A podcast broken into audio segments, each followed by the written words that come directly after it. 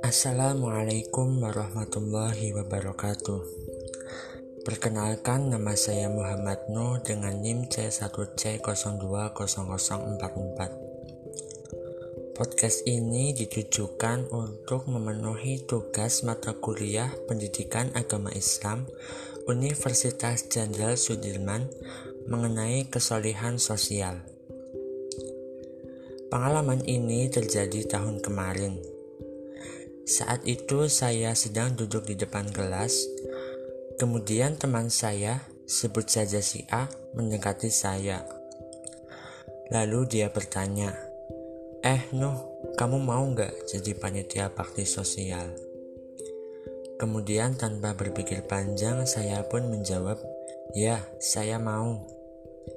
Setelah itu saya dan teman-teman panitia yang lain menyiapkan segala hal untuk acara bakti sosial.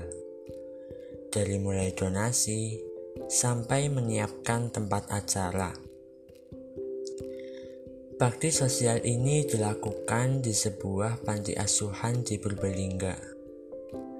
Saat hari H, saya dan teman-teman panitia semua mendatangi panti asuhan dengan membawa makanan dan segala kebutuhan bagi penghuni panti.